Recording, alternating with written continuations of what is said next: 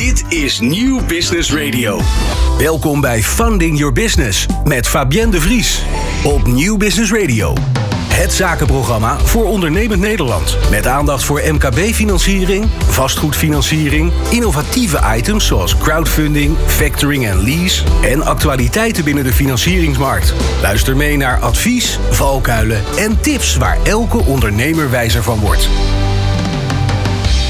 Ja, heel hartelijk welkom. Je luistert weer naar een nieuwe editie inderdaad van Funding Your Business.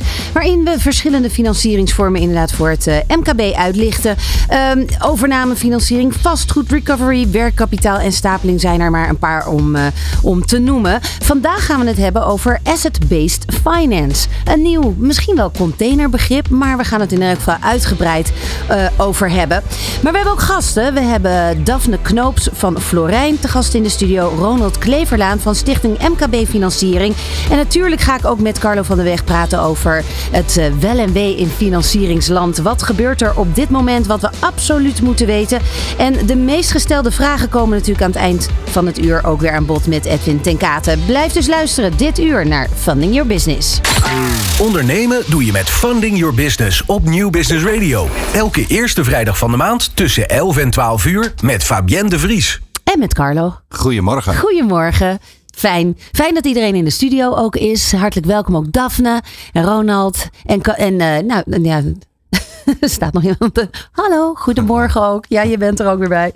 Um, Edwin, uh, nou, jou spreken we later. Eerst even Carlo. Valt er iets te vieren? Begin ik gewoon even mee. Valt er iets te vieren? Nou ja, um, uh, er gebeurt een hoop in de wereld. Hè? Dus um, uh, of er echt iets te vieren valt um, in MKB financieringsland, weet ik niet. Uh, want het is best wel weer onzeker. Hè? En ja. we hebben corona nog maar net achter de rug. En ja, ja, zeg het maar. Het was ook wel een beetje misschien te verwachten dat er na corona, even los van de oorlog, want die komt er dan ook nog tussen. Maar dat er nog flink wat naweeën zouden zijn. Ja, alleen we relateren dat inmiddels niet meer aan corona. Hè? Dat is wel een beetje gek. Hè? Dus, um, het is nu allemaal de schuld van de oorlog. Uh, en de energie uh, en de inflatie en al die dingen bij elkaar. En dat levert natuurlijk een hoop problemen op. En um, ja, iedereen is een beetje aan het kijken van uh, hoe gaat dit zich ontwikkelen. En um, juist die spanning in de markt levert het ook heel veel spanning op in ons vak. In het financieren van bedrijven. Want enerzijds hebben bedrijven wellicht meer geld nodig dan verwacht. Maar anderzijds zijn er heel veel financiers die met diezelfde onzekerheid zitten. En dus veel kritischer kijken van ja, waar gaat het naartoe? Ja. En hoe ga ik daar nu als financier mee om? En uh, ja, alles bij elkaar maakt het toch wel weer lastiger om uh, op dit moment geld te krijgen. Ja, want hoe staan de banken er op dit moment in? Nou ja, de banken zijn natuurlijk gewoon open. Die zijn open met hun producten. Uh, die hebben inmiddels de corona-paragraaf uit de kredietaanvraag ingewisseld voor de energieparagraaf. Uh, Want uh, ja, iedereen moet nu iets noemen. Hoe heb je je energie op contracten op orde? Of hoe ga je verduurzamen, et cetera? Dus ook wel een thema wat we vandaag echt moeten behandelen. Want um, ja, dat kan een behoorlijke kostenpost opleveren die resultaten beïnvloedt. En dus je risicoprofiel. En, en dus ook zomaar het ja of een nee van een bank of een andere financier. Eigenlijk zie je dus dat uh, op een gegeven moment was er bij de banken moeilijk aankloppen kloppen voor wat voor financiering ook. Daar zijn de alternatieve financiers uitgerold. Maar zelfs zij moeten nu op dit moment toch ook wel kritischer zijn dan dat ze misschien zouden willen. Nou ja, kijk, elke financier wil graag comfort hebben bij het feit: ik ga jou vandaag geld lenen. Ja. En, um, Daar maakt ze ook reclame mee. Zeker. Um, en, maar ik moet dan het risico inschatten. Uh, of die ondernemer ook in staat is de komende jaren uh, om rente en aflossing te betalen. Ja. En uh, naarmate er onzekerheid is, kan je dat steeds minder goed vaststellen, want je weet niet wat er gebeurt. En dat heeft alles met vertrouwen te maken. Hè? Want een jaar geleden hadden we niet verwacht dat we met een oorlog te maken zouden hebben, dan wel met deze torenhoge inflatie. Ja. Dus toen hebben we redelijk zeker dat geld verstrekt. En, uh, ja, Gelukkig is er vandaag de dag ook wel weer de uh, keiharde en snelle uh, ontwikkeling in de techniek. Waardoor Zeker. dingen ook wel weer snel te berekenen zijn. Daar gaan we het natuurlijk later met Daphne over hebben. Zeker. En we hebben een overheid die um, nou ja, hun best in ieder geval doet om ook te kijken in deze energiecrisis. Wat kunnen wij dan betekenen voor bepaalde ondernemers, et cetera. Dus dat geeft wellicht ook weer wat comfort. Uh, dus ja, er, er, gebeurt van alles. Maar het is als je, wel onzeker. Als je de ja, precies. Dus onzeker is een, is een, een duidelijk gegeven. Um, als je de, het financiële landschap nu in een zin zou moeten omschrijven. Nou ja, dan, uh, dan vind ik toch echt wel die onzekerheid, uh, zeg maar, echt het belangrijkste. Dus iedereen zit even op de handen, zeg maar. Ja, dat, ja. dat, Maar en juist elke- dan ja. hebben ondernemers hun adviseur nodig. Ja, zeker. Maar ehm, ehm, kijk, die begeleiding en die kennis, eh, die is ook volledig anticyclisch. Hè? Want als we in hoogconjunctuur zitten, dan wil iedereen investeren. En het liefst meer dan dat eigenlijk financieel mogelijk is. En dan hebben ze die adviseur nodig om het goed te regelen. Maar in laagconjunctuur eh, ja, is, de, is het net zo, eh, misschien nog wel lastiger om aan geld te komen. Dus ja, eh, die rol die wordt eigenlijk steeds duidelijker in, in die schommelingen van die, van die economische situatie waar we in zitten. En daar, kan je, daar moet je dan dus op anticiperen als adviseur. Dat moet ook. En, en daarom moeten wij ook dagdagelijks met financiers in contact staan. Wat doe je wel, wat doe je niet? Ben je open of ga je dicht? Ja. Ehm, eh, want ehm, ja, dat maakt het voor ons, ehm, als we die kennis hebben, een heel stuk makkelijker om die klant te helpen. Ja, dus bovenop eh, zitten en de lijntjes kort houden. Zeker. Asset-based finance is het onderwerp van vandaag. Waarom, eh, eh, nou misschien even uitleggen wat het is. nou ja, het is weer zo'n mooie Engelse term. Maar feitelijk betekent het gewoon dat ehm, eh, je, je financiert op basis van de activa op je balans. Hè? Dus dat kunnen debiteuren zijn. Dus dan ga je heel gericht alleen voor debiteuren financiering zoeken. En dan doe je dat dus ook op basis van de kwaliteit en de omvang van die debiteuren. Dan wel. Eh, je kan ook denken aan materieel. Hè? Dus ehm, eh, lease is ook een, een vorm van asset-based finance. Ehm, dat je zegt van oké, jij hebt drie kranen. Ik ga jou heel specifiek financiering geven voor die drie kranen. Dan vind ik het over het algemeen als financier wat minder belangrijk. eh, zeg maar hoe het in de rest van jouw balans georganiseerd is. Ze kijken natuurlijk wel naar die. Nou ja, die risicokwalificatie kun je rente en aflossing betalen, ook op die lease of, of dat factoringcontract. Maar ze zijn echt gefocust echt op die asset. Hè, op En, de, en daar moet je ook verantwoording voor afleggen. Daar moet je vaak dan ook de zekerheid voor geven, Precies. inderdaad. Ja, Ja. klopt. En waarom vind je het belangrijk om dat nu te behandelen? Nou, omdat eh, wat wij wel zien is dat vroeger, eh, en ik, ik heb dat wel vaker gebruikt, dan ging je op vrijdag eh, naar de bank en dan ging je met de directeur een sigaar roken en dan kreeg je financiering voor je hele onderneming. Ja. En tegenwoordig zijn we natuurlijk veel meer aan het kijken van oké, wat voor type geld heb je nou op welk moment nodig? En eh, ja, als je hard aan het groeien bent, dan nemen je debiteuren eh, over het algemeen snel toe. En dan is bijvoorbeeld een financiering op basis van je debiteuren een heel mooi ehm, eh, instrument om die financiering groeit namelijk mee met jouw groei. Want als je debiteuren toenemen, krijg je ook meer financiële financieringsruimte. En ehm, ehm, eh, nou, zeker in deze tijd, het is niet allemaal kommer en kwel. Hè? Want er zijn ook be- bedrijven die hartstikke goed gaan.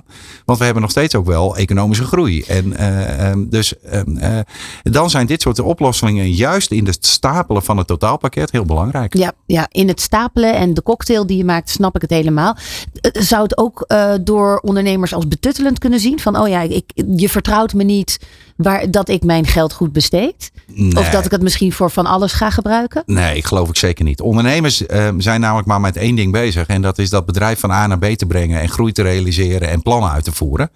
En het, ja, dat blijft gewoon een feit. Dat het geld daarvoor organiseren, dat vinden ze echt niet een leuk traject.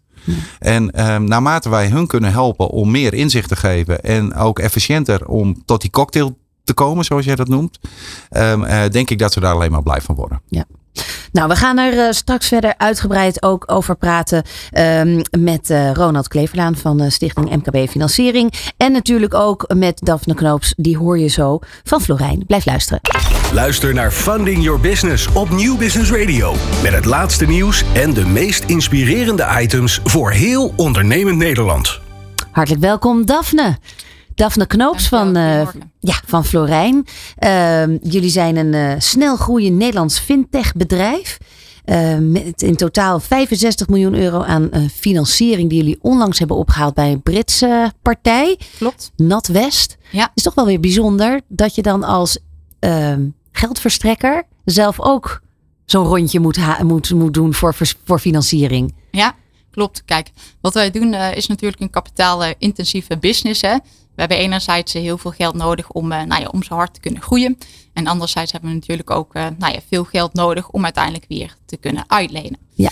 Ehm, nou ja, Mag de microfoon ietsje weer naar je toe? Ja. Ja, Ehm, dus zodoende hè, zijn we ook continu op zoek naar eh, hoe kunnen we onszelf eh funden hè, om uiteindelijk genoeg geld te hebben om weer eh, richting het MKB te kunnen verstrekken. Nou, daar hebben we in 2019 eh, hebben we via NEBC ehm, een hele grote zak met geld opgehaald en recentelijk dus ook inderdaad via NetWest 65 miljoen Ja. om weer nog harder te kunnen doorgroeien. Wat was daarin jullie belangrijkste asset, om maar even zo te noemen, belangrijkste speerpunt, uh, wat, ja, wat jullie naar hun gepitcht hebben als het ware? Ja, um, kijk, uiteindelijk zijn dat onze co-founders um, die dat voornamelijk regelen. Uh, Sven, Marijn en uh, Guillaume. Um, wat die partijen natuurlijk heel belangrijk vinden, is dat het een uh, nou ja, stabiel bedrijf is. Hè? Dat uiteindelijk het geld wat we uitlenen, is natuurlijk een hele belangrijke factor dat we dat ook weer terugkrijgen. dus daar kijken zij naar hoe zit je default percentage in elkaar. Het geld wat je uitleent, krijg je dat nou ja, ook terug.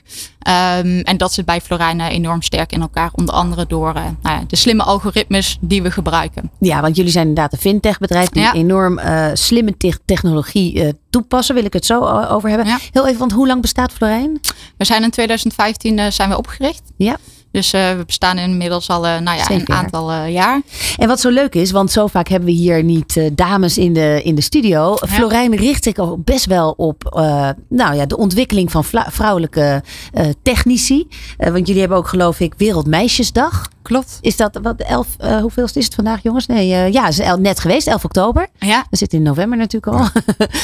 Ehm, dat, dat is echt een bewuste keuze. Klopt. Hè. Veel onderzoek wijst ook uh, uit dat uh, uiteindelijk uh, succesvolle bedrijven vaak ook bestaan uit een mix tussen man en vrouw.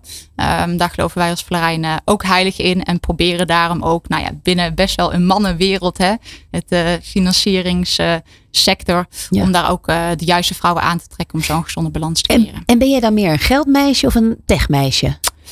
Oeh, goede vraag. Ik vind beide enorm interessant. Ik hou uh, zelf ook van een stukje beleggen en uh, vind financieren enorm interessant. Uh, maar juist die technologie maakt het zo leuk dat we nou ja, enorm snel zijn en dat ook enorm goed kunnen ja, doen. Want jullie pretenderen inderdaad binnen 24 uur heb je tussen de 10.000 en de 3 miljoen op ja. je bank is een hele mooie, ambitieuze slogan. Maar hoe, hoe werkt dat dan met die, met die slimme technologie? Ja, dus uh, nou ja, wat we uiteindelijk proberen is om voor ondernemers en onze nou ja, partners zo eenvoudig mogelijk te maken. Um, dus doorgaan zeggen, binnen twee minuten is een aanvraag bij ons ingediend en binnen 24 uur geregeld. Nou, hoe doen we dat? Dat kunnen we dankzij um, artificial intelligence, uh, maken gebruik van machine learning. Wat wij voornamelijk doen is een heleboel data verzamelen. Dus wij vragen onder, ondernemers niet hè, stapel papier werken, maar enkel de bankafschriften van de afgelopen zes maanden. Nou, die bankafschriften die, uh, gaan door ons machine learning model heen. Um, en wat dat model doet is simpelweg iedere transactie labelen en categoriseren. En vervolgens wordt dat gevisualiseerd. Dus wij krijgen daardoor heel snel inzicht in hoe gezond is nou nu zo'n onderneming, maar ook wat is het betaalgedrag van een ondernemer. En wat maakt dat betaalbedrag uh, of dat gedrag van het betalen uit? Ja, kijk, uiteindelijk wat wij onder andere in kaart brengen zijn bijvoorbeeld de storno's, hè, storneringen, zit er incassobureaus in. Um, wat voor ons het belangrijkste is, is dat we geld uitlenen wat we uiteindelijk ook weer terugkrijgen. Maar dat ze een storno hier en daar hebben, dat, is, dat zou logisch kunnen zijn. Klopt. Want anders hebben ze misschien die financiering niet nodig. Je hebt bedrijven die lekker gaan ja. en willen doorgroeien. Of die uh, hier en daar gered moeten worden. Absoluut. Goeie vraag. Um, wij geloven daarom ook heilig in de kracht tussen hè, machine en mens. Uh, ons model zou daardoor nooit automatisch iets afkeuren. Um, het geeft ons inzicht in dat er storno's zijn geweest. Nou, daar gaan we altijd over in gesprek, ofwel met de ondernemer, ofwel met onze partners, om te begrijpen, hey, wat is daar nu gebeurd? Is dat logisch? Um, ja. Nou ja en dan hebben jullie een zakelijk krediet en een zakelijke lening. Wat, is, wat zijn de verschillen? Ja, een zakelijk krediet is uh, heel erg vergelijkbaar met uh, nou ja, een roodstand uh, op je betaalrekening. Hoe je, het wellicht ook kent vanuit de banken. dus doorlopend een kredietfaciliteit nou ja, achter de hand. Je kan op ieder gewenst moment kan je een bedrag opnemen, aflossen, dagelijks opzegbaar. Um, ons maakt het een stukje uniek dat dat ook meegroeit met de omzet van ondernemers. Ja, precies. Jullie hebben een kredietlimiet die met je meegroeit. Ja, klopt. En dat houdt dus in dat als je omzet, dat je krediet mag groeien.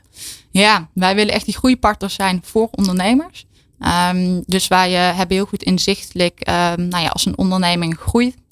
Um, wat daarin mooi is, is dat een onderneming zelf kan aangeven van, hé, hey, ik wil, uh, ik heb meer kredietlimiet nodig dat kan aanvragen bij ons. En dan uh, nou, je kunt dat binnen no time regelen, omdat we zo goed inzicht hebben in een bedrijf. Ja, dat voelt een beetje paradoxaal. Hè, Carlo, dat je dan eh, aan de ene kant ga je dus heel goed met je, met je bedrijf. Ja. En dan vraag je, ja, ondernemers willen natuurlijk groeien.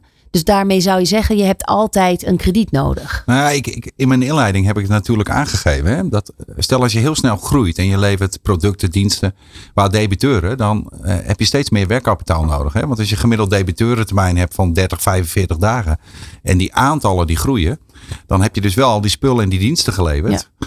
Uh, daar heb je zelf al je uh, tijd, energie en geld in gestoken. Uh, maar voordat je het krijgt, dat bedrag wordt steeds groter. En dan zijn dit oplossingen die dus automatisch in die groei jou ook meer financiële financieringsruimte bieden. Ja. ja.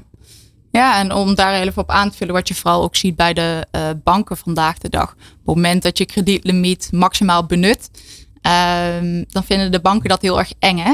Um, waar bij ons uh, zien we daar juist een kans. Dus op het moment dat je groeit, het kredietlimiet maximaal benut wordt, gaan we, gaan we jou juist uh, ja, benaderen nee. om ja. te kijken van hey, kan je nu niet nog harder groeien als we je meer krediet geven. En hoe kan het dat jullie die angst dan niet hebben?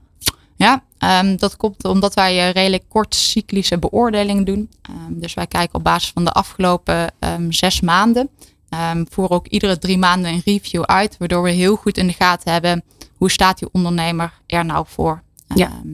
En die zakelijke lening, uh, dat is een vaste, vaste looptijd. Ja. En dus ook een vaste rente. Klopt. Ja. ja.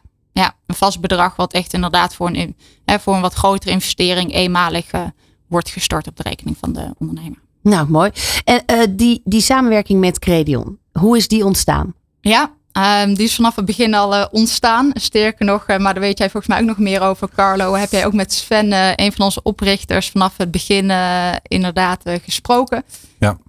Um, ja, ik loop natuurlijk een tijdje mee. En toen Sven het plan had, heeft hij mij gebeld. Ik heb een plan. Ik wil graag tot een nieuw fintech komen. Mag ik dat eens tegen je aanhouden? Dus ik, ja, ik heb een beetje meegesproken in die ontwikkeling van, van zijn initiatief. En in eerste instantie is dat onder een andere naam uh, ooit geïntroduceerd, Invoice Finance. En uh, ja, eigenlijk al die jaren zijn wij al uh, partner ja. bij Florijn. En jouw functie is dan, je bent partner account manager. En, en wat doe je dan precies? Ja, daarin nou ja, ben ik verantwoordelijk enerzijds voor het stukje relatiebeheer met, nou ja, met de bestaande partners zoals Credion. Wat wij heel erg belangrijk vinden is, uh, nou, het financieringslandschap is, uh, is best groot vandaag de dag. Dus dat wij ook heel veel met, uh, nou ja, met de Credion adviseurs in gesprek zijn om goed te begrijpen wat speelt daar. Maar ook waarin kunnen wij elkaar nu echt versterken. dus we voeren veel gesprekken, gaan daar veel langs. Um, en zijn echt op zoek naar die synergie um, ja. om uiteindelijk ondernemer in Nederland gezamenlijk te helpen. En tot slot, hè, de, de bedrijven die bij jullie komen, nou ja, die hebben dus tussen de 10, of wat is het? Wat zei ik nou net? Ja, 10.000 en 3 miljoen. Precies. Euro. Wat maakt het dan nog uit? Is het een bepaalde sector die, die jullie specifiek aantrekken? Ja, als je kijkt naar onze topsectoren waar we voornamelijk in zitten, um, dan zijn dat de productiebedrijven, groothandelaren, uh, stukje transport, uh, bouw en nijverheid, um, detachering. Dat is met name vanwege het stukje B2B karakter. Uh, wat daarin zit. Um, vaak afgeronde prestaties. En dan wordt er een factuur verstuurd met een bepaalde factuurtermijn. Nou, uh, dat zijn voor ons goede assets. Ja. Hè? We hebben het over asset-based financieren. Uh, die zijn daar enorm goed. Dus dat zie je vaak ook terug dat dat voor ons automatisch geschikte nou ja, bedrijven zijn om te financieren. Uh, maar daarbuiten um, zijn we bijvoorbeeld ook uh, goldpartner van bol.com. Uh, dus ook wanneer er geen assets zijn, zien we zeker aanknopingspunten. En waar loop je nou tegenaan als je kijkt naar dat huidige financierlandschap? Wat zijn, wat zijn je kopzorgen zo gedurende de week? Ja, kijk, hè, er speelt natuurlijk vandaag de dag best wel uh, veel. Uh, we kaart het net al even aan, corona is net voorbij, maar vervolgens gaan we weer een, nou ja, de volgende crisis. Hè. Um, en wat de markt gaat doen, uh, ja, dat is ook nog maar even te zien. Um, wij proberen daar in ieder geval ons ook uh, goed voor te bereiden. Door enerzijds uh, aan de voorkant heel goed te inventariseren bij uh, nou ja, de adviseur ofwel ondernemer. Um, hey, wat voor impact heeft dat nou op jou als ondernemer? Dat um, hè, de energieprijzen stijgen. kan je dat doorberekenen aan je klanten? Uh, dus we proberen heel goed te begrijpen, gezamenlijk waarvoor zoek je nou echt die financiering. En, um, ja, en zit je dan de hele dag met klanten aan de lijn om dit soort dingen uit te vragen? Nou, um, ik niet. Um, maar we hebben inderdaad een direct kanaal waar een aantal collega's van mij inderdaad veel al direct met ondernemers uh, in gesprek zijn. Maar we gebruiken ook uh, ja, heel veel, werken we samen met onze partners. Ja. En die inventariseren dat heel goed. Die brengen we daarvan ook uiteraard uh, Ja. op de hoogte. komt natuurlijk een hoop eh, flexibiliteit en wendbaarheid ook voor jullie bij kijken wat dat betreft. Ja. We gaan, eh, we gaan zo verder praten met Stichting MKB Financiering met Ronald Klevelaan. Blijf luisteren. Ondernemend Nederland luistert naar Funding Your Business op Nieuw Business Radio. Elke eerste vrijdag van de maand tussen 11 en 12 uur met Fabienne de Vries. Inmiddels is aangeschoven Ronald Kleverlaan van Stichting MKB Financiering. Goedemorgen. Nou, ik zou zeggen, dit verdient toch wel, we moeten hem er toch ergens een keer in doen. Even een applaus. Ja, en als je luistert denk je, hoezo dan? Nou, Ronald was namelijk bij de allereerste Funding Your Business. Ik denk 2,5 jaar geleden, zoiets. Ja, klopt. Eh, was jij, eh, nou, vlak, vlak voor corona. Ja, ik hoop dat nu dat het wel beter gaat hoor. De, Ja. een paar dagen na kreeg de eerste corona-lockdown. Precies, ja. Nou, we waren inderdaad net onderweg. En, eh, maar goed, toen, toen was je al een keer dus eerder. En toen zeiden we net al hè, voor de uitzending: dit is niet de eerste. Of je was bij de eerste, maar dit is niet de laatste. Dus ook niet de laatste keer dat je waarschijnlijk langskomt. Maar wel fijn dat je er bent, want we gaan het inderdaad even hebben. ehm, nou ja, heel even kort van wat doet Stichting MKB Financiering? Ja, Stichting NKB-financiering is de vertegenwoordiger van de niet-bankaire financiersmarkt. Eigenlijk de tegenhanger van de Nederlandse Vereniging van Banken. Ja. En we zien namelijk dat die markt zich zo snel aan het ontwikkelen is. Er zijn zoveel verschillende nieuwe aanbieders in de markt. Nou, Florijn is hier, is een van de aanbieders die er is. Maar er zijn er honderd ongeveer in de markt. Nou, hoe zorgen we er nou voor dat die markt zich verder ontwikkelt? En hoe kunnen we er met de, de hoe kan de politiek daar nou ook ja, een goede gesprekspartner eh, voor hebben? En dat doen wij eigenlijk. Ja. Dus wij spreken veel met de politiek, we spelen, spreken veel met financiers, met adviseurs, met banken ook. Van hoe gaan we nou gezamenlijk die MKB-financiersmarkt ja, Ja. verder brengen voor de want- ondernemers uiteindelijk? Want in hoeveel procent denk je dat het gestegen is als je bekijkt de vorige keer dat je hier zat? Nou, in die 2,5 jaar is het inderdaad explosief gegroeid, de, de alternatieve financiers. Ja. Maar over wat voor grote praten we Ja, eigenlijk? als je het hebt over percentages, dan is het extreem. Want je ziet echt wel in marktgroei 30, 40 procent per jaar. Eh, dus dat is echt wel een snelle groei. En als je het over- echt hebt over wat is de impact nu daadwerkelijk. Nou, vorig jaar zagen we al dat ongeveer een kwart tot een derde van alle onder een miljoen, die werden al non-bankair gefinancierd. Kijk. Dus dan begint het echt de impact te hebben op het, la- op het landschap. En dat Ja. zal, nou ja, zal Carlo vanuit Credion ook wel herkennen. Dat steeds meer adviseurs die ja, zien een combinatie van bankair, non-bankair en ja, soms alleen non-bankair. En dat, dat neemt eigenlijk alleen maar toe. En heb je, hebben jullie als organisatie nou ook wel veel contact met die overkoepelende organisatie van banken? Ja, zeker. Dus we werken er heel goed mee samen ook. Dus we zijn ook heel erg aan het kijken van hoe zorgen we er nou voor dat bijvoorbeeld de banken die zijn bezig met het doorverwijzen. Als zij zelf niet kunnen financieren, naar wat en naar wie gaan ze dan doorverwijzen? En wij hebben vanuit de stichting hebben wij, eh ja, spelen daar een hele belangrijke rol in. Om te zorgen is ook dat echt wel veranderd. Hè, toch? Ja. Het was, vroeger was het echt zo, oh de banken zijn stom, die doen niks meer. En oh ja, wij gaan lekker rebellen, we gaan alternatieve van financieringsdingen doen. Vandaag de dag heb ik het idee dat het gewoon echt wel hand in hand gaat. En dat ze minder bang zijn en dat ze eerder het als- als een goede uitweg zien om mensen toch gewoon te helpen en Zeker, verder te zeker. brengen. Kijk, wat je ziet is dat de bank erachter is gekomen dat het nee zeggen ehm, eh, in die relatie echt niet go- goed werkt. Nee. Dus als je zegt nee, wij kunnen dit niet, maar we hebben wellicht een oplossing voor je. Ja. Dan eh, zit je goed in die relatie. Krijg je waarschijnlijk ook een eh, wat betere score nog op je, op je relatie eh, die je onderhoudt met die klant. En ehm, ja, da- daar zijn echt stappen gemaakt. Ja, we hadden het, het onderwerp van vandaag is asset-based finance. Ehm, dat is dus een bepaald gedeelte van wat je nodig hebt als een zekerheid ook opgeven om te, ehm, voor financiering. Eh, hoe, gaan, hoe gaan banken om met die zekerheid? Ja, dat is wel een uitdaging. Eh, dat zien we nu nog steeds. Dus in die samenwerking tussen banken en niet-bankaire financiers zie je vaak dat als een ondernemer al een financiering heeft lopen bij een bank, dat eigenlijk alle zekerheden al vergeven zijn. Dus er zit een verzamelpandakte waardoor de banken eigenlijk alle soorten zekerheden, of het nou de facturen zijn, of het nou eh, de machines zijn, of het nou de, de- het vastgoed is, alles is eigenlijk al vergeven. Ja, want Daphne, hoe, daar loop jij tegenaan. Klopt. En ja. hoe schop je dat huisje dan om? Ja, dat is zeker een lastige kwestie, eh, wat wij ook met enige regelmaat eh, tegenkomen. Ehm, vandaag de dag zien we ook dat we steeds eh, meer en betere contact hebben bij de banken. En zo proberen met heel veel getouwtrekken om daar iets los te kunnen maken. Ja, soms gaat dat goed, Ja. soms niet. maar En, en welke rol spelen jullie daar dan in? Ja, wij, proberen natuurlijk ervoor te zorgen dat dit op de kaart komt. Dus dat de, de banken dit intern ook echt bespreken. Want er is altijd wel, altijd wel een wil. En men wil wel graag die ondernemer helpen uiteindelijk. Maar vaak zitten interne processen of interne procedures zitten daar nog. Uh, ja, die, die, lopen, die lopen zij tegenaan. We hebben ook gesprekken met de ministeries, Financiën en Economische Zaken. Je kan denken namelijk uh, om dat uiteindelijk in wetgeving te regelen. Wat bijvoorbeeld in Duitsland ook al geregeld is. Dat je het niet mag oververpanden. Dus te veel verpanding mag vragen. Alleen dat is eigenlijk niet een weg die je wilt gaan. Je wilt het eigenlijk in het financiële landschap gezamenlijk oplossen. Hm. Alleen vooral als het gaat om wat kleinere financieringen, dus die financieringen onder een miljoen, hm. dan is het voor banken best veel werk, uh, administratief ook, om dat voor elkaar te krijgen.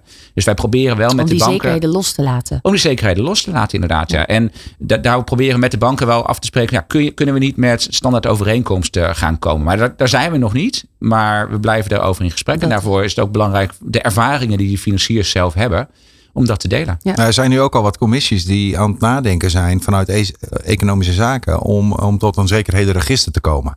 Zodat er veel meer inzicht is welke zekerheden zijn er bij dat bedrijf en bij wie zijn die afgegeven. Hè? Zodat je daar, en, en dat zou denk ik ook al helpen, Ronald, dat we um, uh, de banken toch bewegen om daar actief in mee te doen. Hè? Want uh, zij hebben al die kennis en al die zekerheden.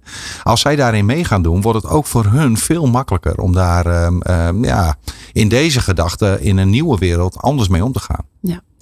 Een andere te term eigenlijk die voorbij komt is embedded finance.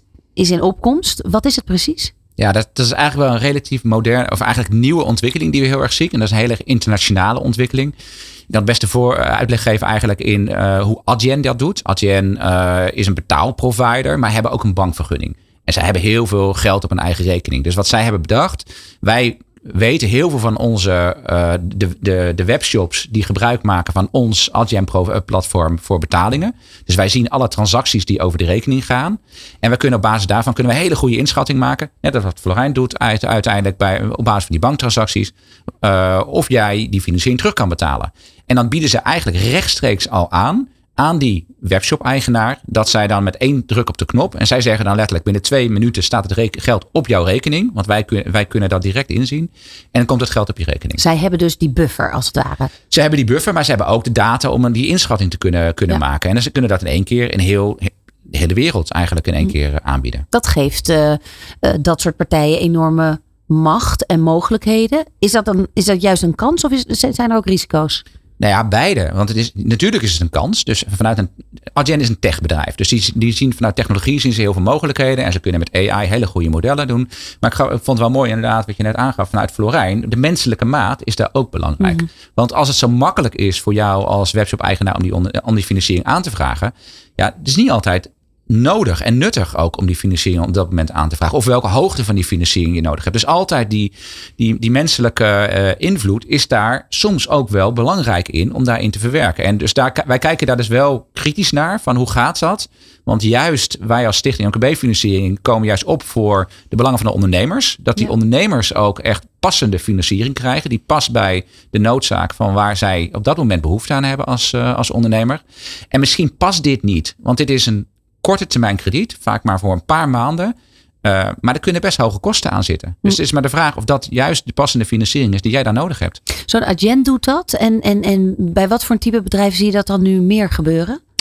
Nou, in, in Nederland is het echt wel een van de eerdere. Uh, we hebben internationaal hebben we wel gezien dat de grote, wat we noemen de big tech bedrijven, zoals een Google of een Alibaba in China, die, die hebben dat eigenlijk binnen hun eigen ecosysteem ook heel erg aangeboden. Dus Google doet dat aan de advertentieverkopers, waar zij zaken mee doen, uh, bieden zij ook die financiering aan. Omdat zij natuurlijk zien hoeveel omzet zij maken. Ja, want uiteindelijk is het gewoon ook een product om te verkopen. Zeker. Toch? Waar je met een marge tussen zit. Zeker. Ja. Uh, maar het is heel terecht wat uh, Ronald zegt. Je moet heel erg kijken naar, uh, heb je het nodig?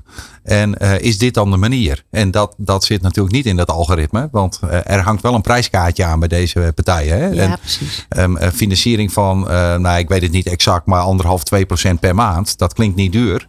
Maar op jaarbasis is dat een ander tarief als wat je uh, bij een bank of een andere non-bankaire financier zou kunnen betalen.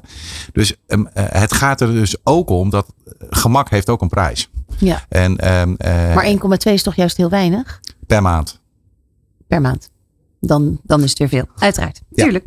En dit is precies wat de ondernemer ook altijd ja. doet. Ja. Um, oh, het valt mee. Ja. We, Je we ziet hebben ook 8%, partijen. je ziet die 4,7 procent. Er zijn natuurlijk heel veel sales technieken. Ook om te zeggen van nou, verkoop maar je debiteuren aan ons. En ehm, je krijgt vandaag 96% van de waarde van je debiteurenportefeuille op je rekening. Dat je denkt, nou, Ja. dat is cool. Ja. Maar je betaalt dus eigenlijk 4%. En als die debiteurentermijn 30 dagen is, betaal je dus 4% rente per maand. Ja, dat is veel. Oké. Ehm, we hadden het net al even over Meisjesdag. MKB eh, eh, eh, financieringsmarkt. Nou ja, hoe inclusief is die? Hè? Is dan een logische vraag. Ehm, Ronald, hoe zit het daarmee? Ja, ik ben natuurlijk een man, dus in zover mag ik het eigenlijk niet vertellen. Maar, nee, maar wat, wat, we zien, i- i- eigenlijk in die financieringsmarkt, kijk, we hebben het nu over alternatieve financiering, non-bankaire financiering. eh, nou ja, zetten we nou eens- eens af van de financieringsmarkt. Maar als je, als je uiteindelijk kijkt, wie zijn de initiatiefnemers, wie zijn de oprichters van al die non-bankaire financiers? Dat zijn eh, mannen die uit de bankaire wereld komen. Dus je ziet eigenlijk dat de risicomodellen die meegenomen worden, maar ook de netwerken die er, die er aanwezig zijn, dat zijn nog steeds de traditionele mannenbolwerken. Wat je ziet ook in, uit onderzoek blijkt dat eh, vrouwen krijgen veel minder makkelijk toegang tot financiering. Nou, op groeifinanciering is het helemaal extreem. Venture capital, eh, venture capital bedrijven investeren maar een paar procent van hun geld in bedrijven met een vrouwelijk managementteam. Ja, want uiteindelijk worden ze toch moeder en dus gaan ze niet meer fulltime werken. Nou ja, dat, dat zijn onder andere overwegingen die mogelijk meewerken. Zullen, uiteindelijk gaat het nog veel belangrijker. Het zijn de netwerken. Het zijn, hoe zorg je er nou voor dat jij als, als vrouwelijke ondernemer, maar ook migrantsondernemers, dus onderne- Nederlands met migratieachtergrond, zie je ook dat zij hebben geen en veel minder toegang tot de traditionele financiële eh, aanbieders. Ja. En daar spelen adviseurs een hele belangrijke rol in. Want je ziet ook dat de, de bedrijfsadviseurs, de financieel adviseurs, dat zijn vaak ook mannen. En die hebben ook een bepaald netwerk. En die komen ook bij bepaalde rotaries of ondernemersnetwerken, waar ze ook weer Ja, een terwijl ondernemers spreken. rotaries en dat soort en ondernemers, eh, ondernemers ehm, groepjes en, en, en clubs van vrouwen eh, toch ook wel heel erg ges- eh, gestegen is, sterk is. Zijn, vrouwen zijn volgens mij heel goed in netwerken. Hoe zit dat bij Credion? De, de nou ja, ik onderschrijf vrouwen? het helemaal. Wij zijn natuurlijk een afgeleide organisatie. Want alle mensen die bij ons actief zijn, die hebben allemaal een, een financieel bankaire achtergrond. Dus ik herken helemaal wat Ronald zegt. Hè. Dus die af, zien we terug. Ehm, maar we zijn altijd al jaren naastig op zoek naar eh, vrouwelijke adviseurs. Hè, want die doen het één in dat netwerken heel goed. Maar die zijn ook in die eh, relatie vaak heel erg sterk. Hè? Want wij zitten toch in die regisseursrol. Eh, hè? Dus je hebt enerzijds die, die, nou ja, die behoefte van die ondernemer. En eh, anderzijds hebben we al die financiers waarbij we die matching moeten doen. Maar ook de hele begeleiding daarvan. En vrouwen zijn er gewoon hartstikke goed in. Ja het, zit, ja, het zit misschien toch ook heel diep geworteld. Hè? Dat je dus advies vraagt aan je grootvader of aan je vader als het gaat om, om geldzaken. Het is ontzettend achterhaald. Maar dat, dat is eigenlijk nog steeds misschien. Hè, dat de, de man in, in de bankaire wereld dan meer vertrouwen uitstraalt. Nou, dat, dat is niet altijd zo. Want je, je hebt natuurlijk ook, eh, je gaf zelf aan inderdaad, vrouwennetwerken. Waar vrouwen heel veel elkaar coachen. Elkaar heel erg helpen met vraagstukken waar ze tegenaan lopen. En dat zijn ook steeds vaker financieringsvraagstukken. Eh, waar die, die, die link eh, nu heel weinig gelegd wordt. Is dat die, die, eh, ja, die trusted advisors, zoals we dat dan vaak noemen. die uiteindelijk dan toch dat de, die sperringspartner zijn. Die hebben zelf ook niet direct die koppeling met die financiële wereld. Dus inderdaad, ja, mooi dat er meer financieel adviseurs komen bij, bij, bij Credion en bij andere adviserings, eh, adviseursnetwerken. Ehm, maar ook bij, wat ik net noemde inderdaad, eh, ondernemers met een migratieachtergrond. Daar zie je datzelfde spelen. Dus die, die hebben niet die link eh, direct. Die zijn niet werkzaam bij de grote financieringsketens. en kunnen dus die verbinding ook niet gaan leggen. En uiteindelijk gaat het ook over rolmodellen. Dus hoe vaker je die laat zien dat dat uiteindelijk wel gaat, gaat werken. En dat die ook kunnen Moet groeien en ook financiering kunnen doen. toegepast worden. Ja, want er is een gedragscode MKB Financiers. eh, eh, die wordt vernieuwd per januari. Ja. Wordt dit dan daarin meegenomen?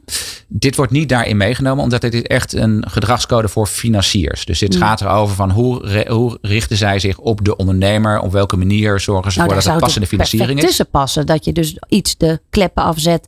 eh, of iets integreert waardoor mi- migratie en man-vrouw verhouding meegenomen wordt in het verhaal. Ja, helemaal mee eens. Uh, alleen wij zijn niet voor verplichtingen uh, daarop te leggen. Dus inderdaad, de, de, de, de plafonds of de, de percentages en dergelijke, dat, dat werkt niet. Wij zijn meer, wij, wij, gebruiken dit als basis, want het gaat er juist om dat iedereen gelijk behandeld wordt. Dat iedereen op dezelfde manier uh, in, in, in, de modellen meegenomen wordt. Ja. Het gaat meer over de rest van het ecosysteem, hoe er onderling samengewerkt wordt. Daar moeten grote veranderingen plaatsvinden. Ja. In het begin van de uitzending, uh, Carlo gaf jou aan, het is uh, corona, de oorlog, maar ook de energieprijzen die op dit moment onzekerheid bepalen. Uh, het MKB wil dus investeren in, in verduurzaming. Ronald, zijn de financiers er klaar voor? Ja, ja, ik twijfel. Nee, wat, wat namelijk, voorzichtige ja. Ja, nou voorzichtige ja. Kijk, op zich, uh, heel veel financiers zijn er al lang klaar voor. En die, die zijn al, uh, hebben al voorgesorteerd op dat dit eraan gaat komen. Want er moeten natuurlijk heel veel investeringen gedaan worden. In, in bedrijfsmiddelen, in uh, verduurzamen van de panden. er komen steeds meer verplichtingen ook aan om, om panden naar A of B labels te, gaan, te gaan krijgen. Dus die komen eraan. Politiek, uh, de Nederlandse overheid vindt het ook heel belangrijk. Dus op dit moment letterlijk uh, wordt in de ministerraad bes, uh, besloten dat de BMKB groen eraan komt. Die wordt maandag gepubliceerd in de staatscourant. En dat betekent dat financiers een, een hogere garantie gaan krijgen op financieringen die zij verstrekken aan ondernemers. Wanneer zij het gaan inzetten voor verduurzaming. Hm. Dus dit gaat ervoor zorgen dat dat gaat sneller. Dus het risico waar we het net ook over hadden. Als financier loop je altijd een risico als je financieringen verstrekt. Nou, financieringen verstrekken voor verduurzaming ja, is op dit moment ook een risico. De Nederlandse staat zegt wij willen dat, die, daar een garantie op geven. En die willen we ook aanpassen aan de, de middelen waarvoor het gedaan wordt. Dus vanuit de staatskas dus? Vanuit de staatskas wordt die garantie gegeven. Precies. En dat is een uitbreiding van de traditionele uh, BMKB-regeling zoals die noemt. Uh, de, dat is een borgstellingsregeling voor dit soort MKB-kredieten. Maar die wordt meer aangepast. Dus het gaat erover, het, zijn, het, kunnen ook kredieten zijn met een looptijd van 12 jaar. Als je een pand gaat verduurzamen, is dat een wat logischere looptijd dan, dan normaal gesproken 5, 6 jaar. Dat zo'n krediet wordt afgesloten. En er wordt een hogere, uh, hogere garantie geboden. Dus als het, mocht het fout gaan, dan krijg je als financier een groter percentage ja. terug vanuit de staatskas. Dat is een mooie ontwikkeling, toch? Zeker, zeker. En dat zei ik in het begin ook. Hè. De overheid helpt gelukkig ook mee. En we hebben ook een, een BMKB-C gehad voor corona. Ja. Um, uh, nou, die is en nu natuurlijk niet meer. En dit is een heel goed initiatief. Want um, uh, uh, ja, opeens hebben die hoge energieprijzen er niet alleen voor gezorgd dat we met z'n allen vinden dat we moeten verduurzamen. Maar nu opeens voelt die ondernemer het ook dat het moet. Want anders gaat zijn bedrijf naar de knoppen. Ja. Tot slot, um, de crowdfunding platformen zijn ook als paddenstoelen uit de grond ge geschoten de afgelopen twee jaar. Um, daar moest een bepaalde regelgeving, vergunning, uh, kaders ge gesteld worden. Hoe zit het daarmee? Ja, we hebben nu, het mooie en goede nieuws is, we hebben nu Europese wetgeving. Dus de Europese wetgeving is vorig jaar aangekondigd. Uh, voor het eind van komend jaar moeten alle crowdfunding platformen moeten ook een nieuwe Europese vergunning aanvragen. Dat gaat ervoor zorgen dat er een consolidatie gaat plaatsvinden in de markt. We hebben inderdaad een stuk of 50 verschillende crowdlending platformen op dit moment in, in Nederland. Ja, daar zullen er een stuk minder van overblijven. Dus op dit moment zijn de eerste platformen al ge, geaccrediteerd. Dus die hebben de, de, de, de Europese vergunning. Uh, de Nederlandse overheid, of de, eigenlijk de AFM, is daar heel snel in. Dus we zien dat twee van de vijf Europese vergunningen in, uh, in Europa, die zijn nu Nederlands. Maar we verwachten ook dat het heel snel doorgaat. Dus voor het eind van het jaar zullen er nog vijf of tien Nederlandse crowdfunding platformen die die vergunning hebben. En wat levert het op? Wat, uh, los van misschien, hoe zeg je dat, helderheid of doorzichtigheid? Of wat is het? Ja, het is voor ondernemers uniform, uh, uniformer. Dus het wordt veel meer een, uh, een, een uh, op elkaar afgestemd. Dus het is veel duidelijker voor jou als ondernemer als jij crowdfunding wilt gaan inzetten. Mm -hmm. Wat zijn je rechten? Wat zijn je, wat zijn je plichten daarbij? En hoe wordt ook je, hoor jij als ondernemer daarin beschermd? Daarnaast zit er een hele sterke bescherming voor de beleggers. Dus de beleggers die investeren via crowdfunding, die worden nu nog sterker beschermd. En nu kan ook de AFM kan toezicht houden. Want ja. tot nu toe waren alle crowdfunding platformen, een groot deel van de crowdfunding platformen moet ik zeggen, stonden niet onder toezicht. Nee, waardoor je geld ook gewoon ineens pleit kon zijn. In theorie wel. Gelukkig is dat nooit gebeurd in Nederland. Omdat je merkt dat wel de crowdfunding platformen, het gaat allemaal op vertrouwen. Dus het moet natuurlijk ook allemaal goed gaan. Ja. Um, maar nu zit daar wat meer zekerheid achter. En dat betekent ook dat de platformen kunnen nu ook hun diensten aanbieden in Europa. En voor een ondernemer is dat handig, want dat kun je ook weer investeerders uittrekken uit heel Europa. Ja, het is dus niet per se moeilijker te geworden om een, uh, om een eh, crowdfunding platform op te richten. Maar er zijn gewoon wel duidelijke regels gekomen die eigenlijk zowel de, uh, de, de organisatie als de financier als de belegger ehm, ja, meer garantie geeft. Ja, nou, omdat er dus meer wetgeving is gekomen, is het wel lastiger. Dus je ziet nu dat uh, in, in het verleden kon je relatief makkelijk een crowdfunding platform oprichten. Op dit moment moet je aan veel meer eisen voldoen om dat te gaan, te gaan doen. Dus de kosten zijn een stuk hoger. Dus daardoor zullen er uiteindelijk minder platformen overblijven, maar die zullen wel groter zijn. Oké.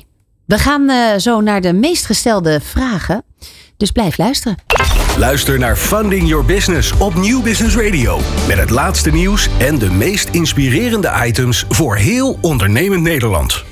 Yes, we gaan naar de meest gestelde vragen um, met Edwin ten Katen natuurlijk, Manager Operations Credion Associatie.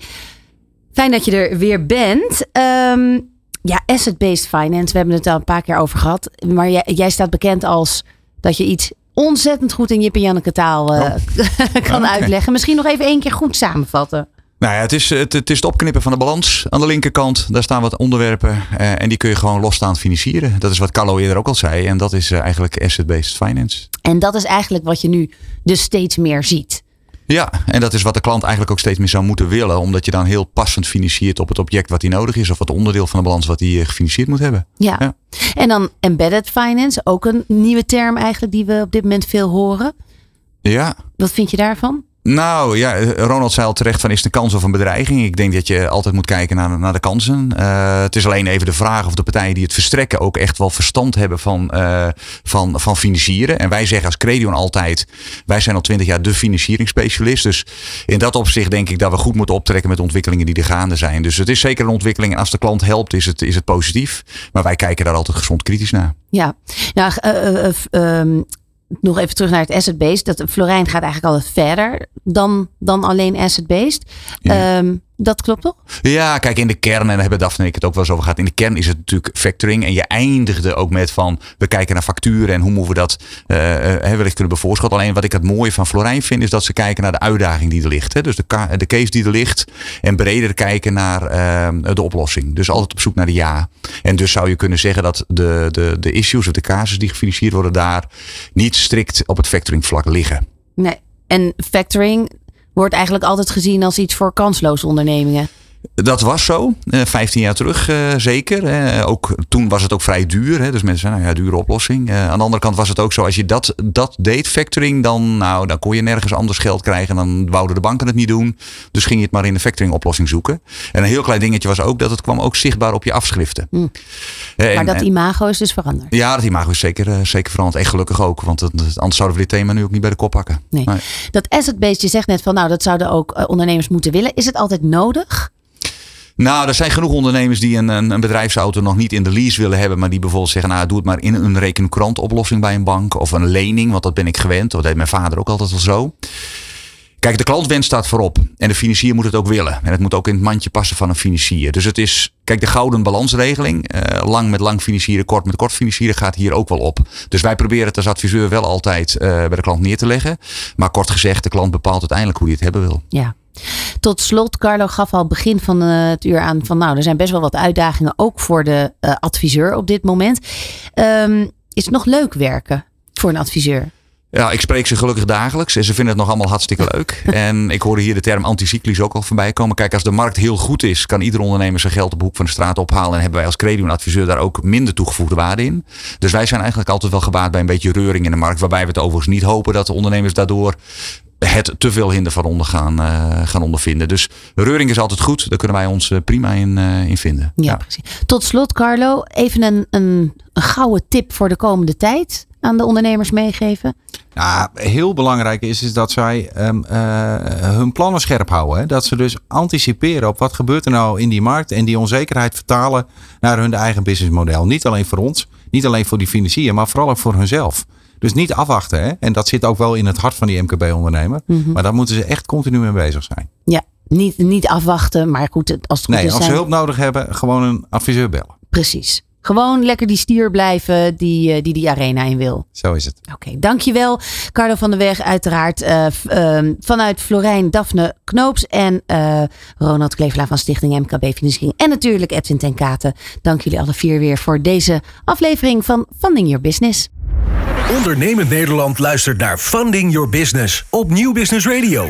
Elke eerste vrijdag van de maand tussen 11 en 12 uur met Fabienne de Vries.